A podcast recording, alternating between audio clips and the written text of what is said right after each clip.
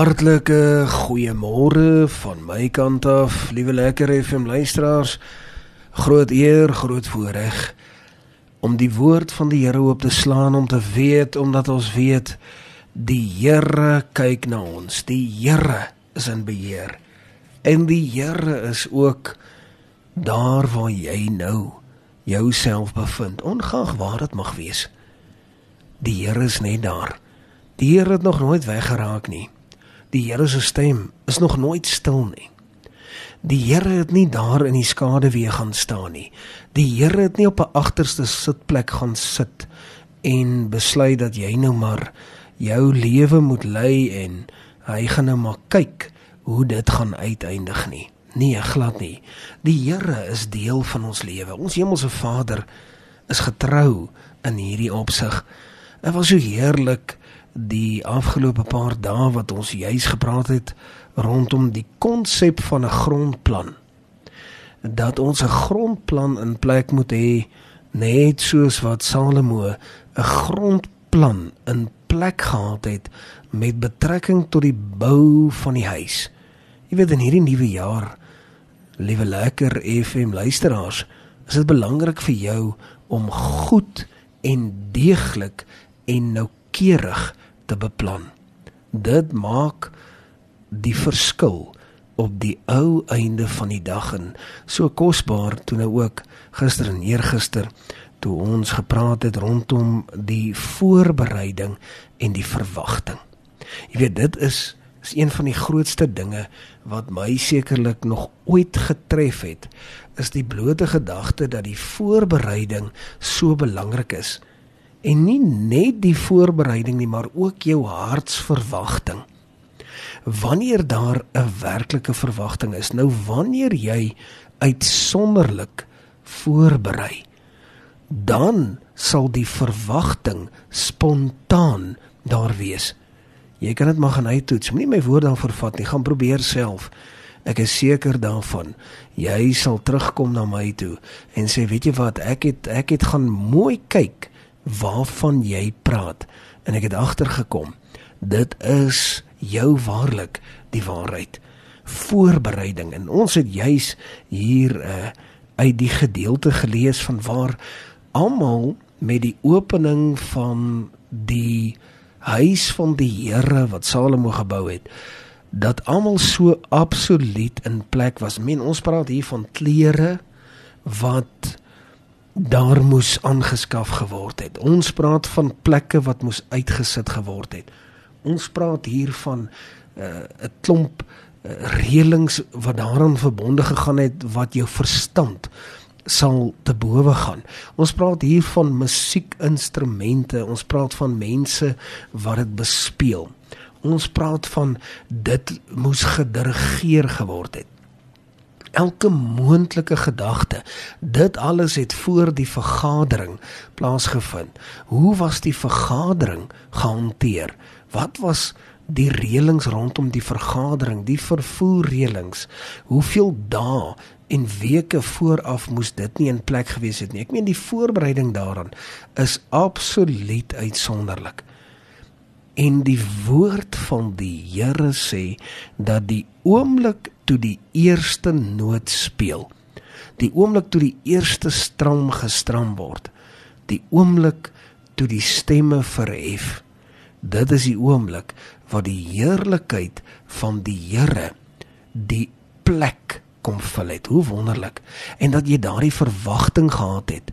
Dit is uiteindelik die ding wat die verskil gemaak het. En vanmôre is dit vir my so groot eer om net so 'n bietjie fokus te kom verskuif en ek wil baie graag vir jou 'n spesifieke skrifgedeelte lees.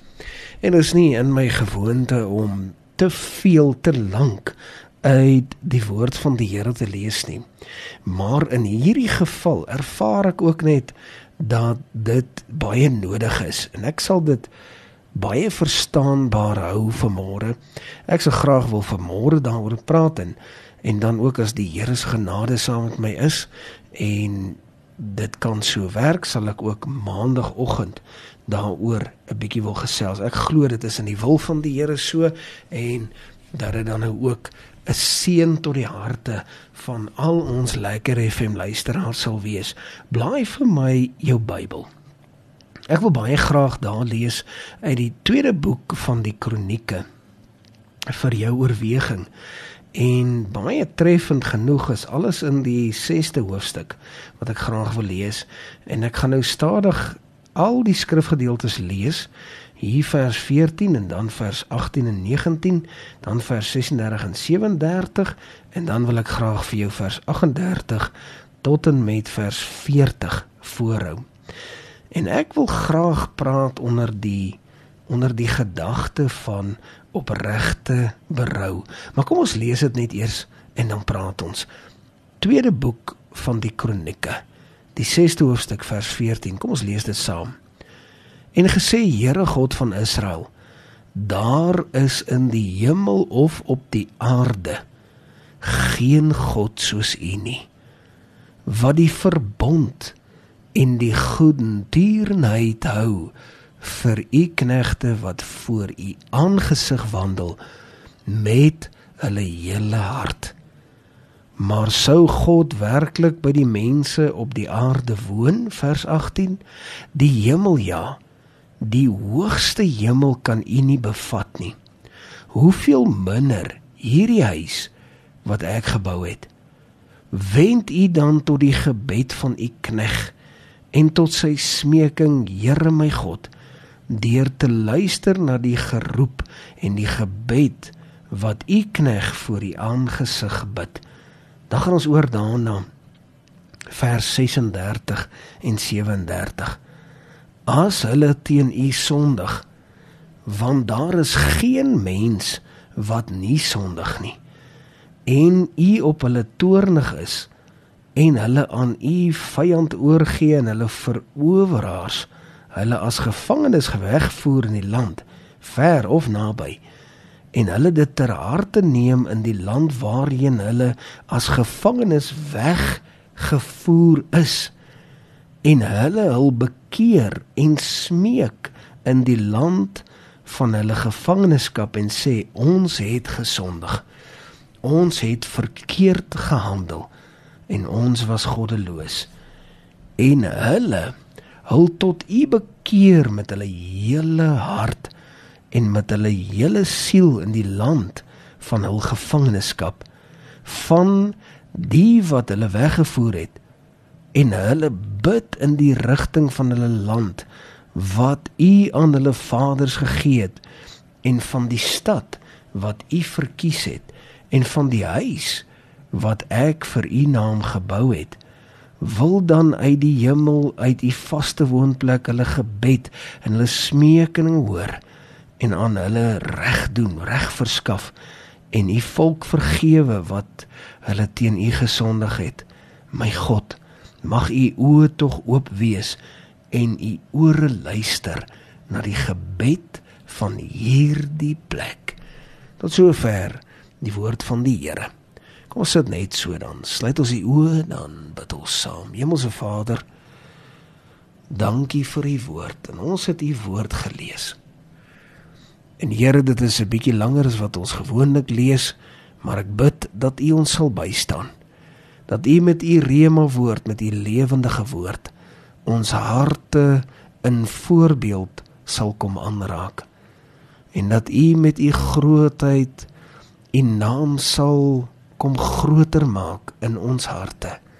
Dit Here is my gebed in Jesus naam. Amen. En amen. Liewe lekker FM luisteraars, dit is nou nog 'n paar verse wat ek gelees het, maar voel ek dat dit werklik die ondertoon moet skep vir dit wat ek graag vanmôre en dan nou ook by implikasie maandagooggend wil oor praat. En dit is nou natuurlik 'n boodskap wat strek oor hierdie volgende 2 dae.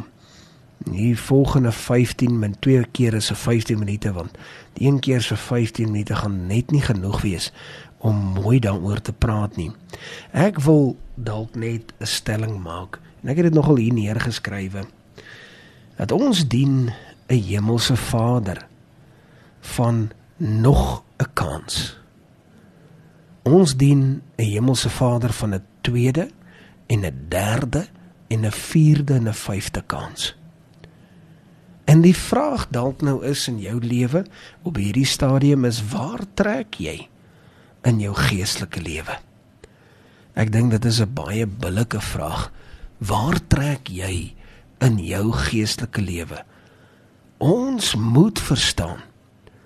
Dit is iets wat ek graag baie baie mooi en stadig wil beklemtoon.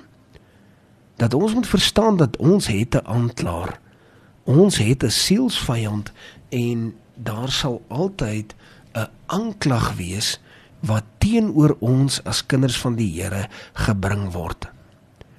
'n Saak, 'n sekere saak sal altyd teen ons kom staan.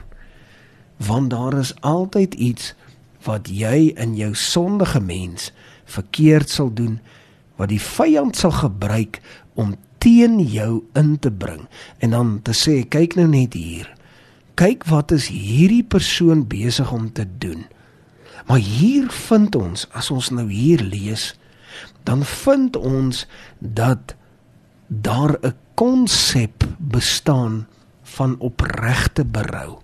Nou baie mense ek wil amper sê sit in 'n situasie waar waar hulle amper nie wil glo dat hierdie groot God en hemelse Vader wat ons dien dat hulle werklik deur die Here vergewe kan word nie. Ek is hier om vandag op hierdie Vrydagoggend voor hierdie naweek vir jou te sê die Here kan en die Here sal vergewe. Die Here was nog altyd getrou in dit. Daar was nog nooit iets dat die Here nie sou vergewe het nie. Hier het nog altyd op 'n plek gekom waar hy sal vergewe. Maar dit hang af van ons as sy kinders. Dit hang af van ons optrede, ons modus operandi. Daar sal altyd iets wees wat jou sal wil kom ontspoor. Jy kan maar gaan kyk en jy kan ook uit ondervinding praat. Daar sal altyd maar altyd iets wees wat jou sal kom ontspoor. Iets sal daar wees om jou stagnant te hou. Sodat jy nie moet beweeg nie. Sodat jy gedemobiliseer is. Dat jy nie effektief vir die Here beweeg nie want dit is sekerlik een van die mees belangrikste sake vir 'n kind van die Here om effektief in sy naam te funksioneer, om 'n instrument te wees, om 'n verlengstuk te wees van die hand van die Here. Daar sal altyd iets wees wat jou sal wil kom stop. Altyd. Daar sal altyd iets wees wat jou sal wil kom stuit of jou van koers wil verander. As jy in jou hart 'n sekere saak gewaar het en ervaar het dat dit is wat jy graag wil vir die Here wil beteken, dan sal daar altyd iets wees wat jou van koers wil laat verander. En dan is dit ongelukkig so dat die skuldgevoel jou op so 'n plek bring waar jy heeltemal verwag dat jy tot die ewige ek wil amper sê verdoemenis verdoem word. En dit is die werk van jou sielsvyand. En ongelukkig maak dit dat ons altyd dit eerste moet raak sien. Nou ek het 'n saak in my hart wat ek glo dat as ons in opregtheid voor die Here staan, sal dit uiteindelik die verskil maak. Maar daaroor sal ek maandagooggend verder praat. Kom ons sit net so. Dan sluit ons die oë, dan bid ons saam. Hemelse Vader, dankie vir u woord. Dankie dat u woord verstaanbaar vir ons is en dat ons in hierdie dag dit 100% vir onsself te kan neem in Jesus naam. Amen. En amen.